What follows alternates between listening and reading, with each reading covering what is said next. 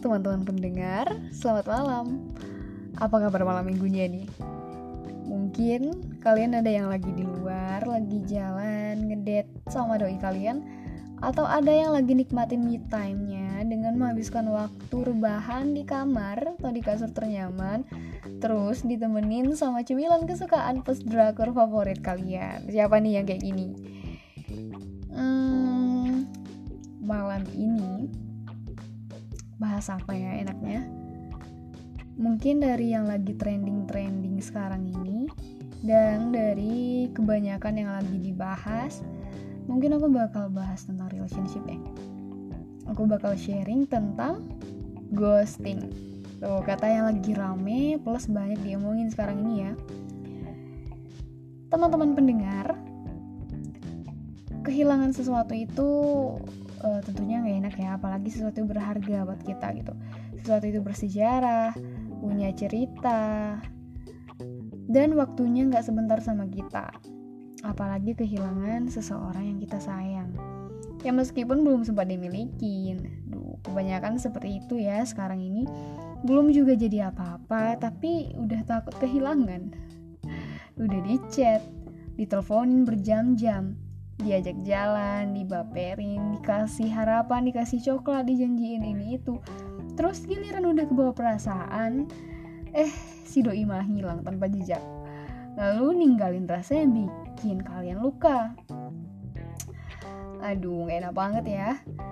Kalau nggak ada perasaan, ya mendingan gak usah ngebaperin dong mas, mbak.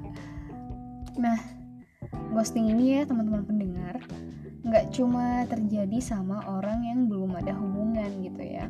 Untuk yang uh, udah ngejalanin hubungan bertahun-tahun pacaran malah mungkin sampai ada yang bakal menuju ke jenjang serius malah salah satu dari pasangan ini menghilangkan diri. Mungkin ada berbagai alasan yang nyebabin adanya ghosting ini ya mungkin kalau nggak ada alasan sekecil apa pun itu Tuh, yang udah jadian bertahun-tahun aja bisa di ghosting. Apalagi yang belum ada kejelasan. Tuh, jangan kayak si G sama si N ya. Udah ditungguin lama sama si N, nggak dikasih kejelasan. Terus karena kelamaan nunggu dan si G ini nggak pernah ngasih kabar, akhirnya si N ini pun berpaling. Eh jadi si G sama si N nih, nggak apa-apa deh. Intermezzo. Hmm, mungkin kalian juga udah nonton film atau baca buku dari Sigis dan kisah Sigis sama N ini. Ya sebagai pengingat aja ya, mana ada sih cewek yang mau ditinggal lama apalagi digantung tanpa kejelasan gitu. Ya perasaan juga bakal hilang kalau yang ditunggu juga nggak meyakinkan. Mending cari yang pasti-pasti aja. Nah, ngomongin ghosting ini, mungkin bakal erat kaitannya sama friendzone. Kenapa? Ya karena yang banyak ngalamin peristiwa di ghosting ini ya mereka yang hubungannya nggak jelas. Ya kayak si Gis sama si N tadi. Nah saran aku sih untuk yang lagi friendzone sekarang mungkin berharap si dia bisa memperjelas hubungan kalian dan bisa happy ending boleh kalian boleh berharap tapi jangan terlalu tinggi. Ya ntar kalau nggak sesuai ekspektasi kalian jatuhnya juga bakalan sakit. Nah karena kita nggak ada yang tahu ya hati orang tuh kayak gimana daripada nyakitin diri kita sendiri mending nggak usah berekspektasi tinggi. Kalau aku udah terlanjur sayang gimana? Nah ini nih pertanyaan yang susah. Memang kita nggak bisa mencegah yang namanya perasaan kita ya.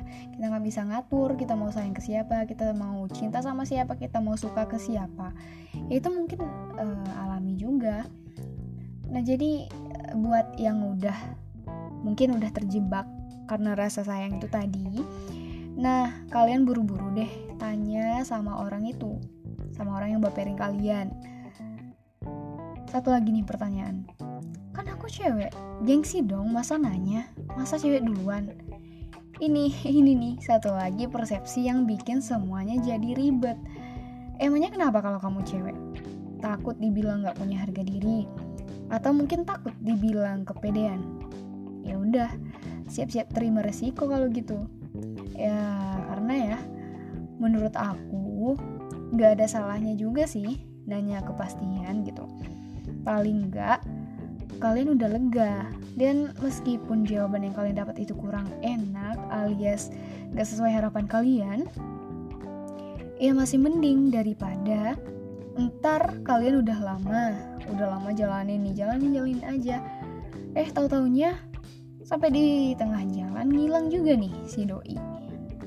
Ya kadang kita nggak sadar juga bahwa kita juga nggak boleh mempermasalahkan dan kita juga nggak boleh nuduh seseorang itu menyakiti kita. Karena kita kadang nggak sadar bahwa yang nyakitin diri kita sendiri itu adalah harapan kita tadi. Ya padahal kalau kita pikirin lagi orang nggak bakal bisa nyakitin kita kalau nggak kita sendiri yang ngizinin. Nah kalian tinggal pilih aja tuh mau ambil tindakan atau stuck di sana gitu. Oke teman-teman pendengar Selamat bermalam minggu. Semoga bermanfaat.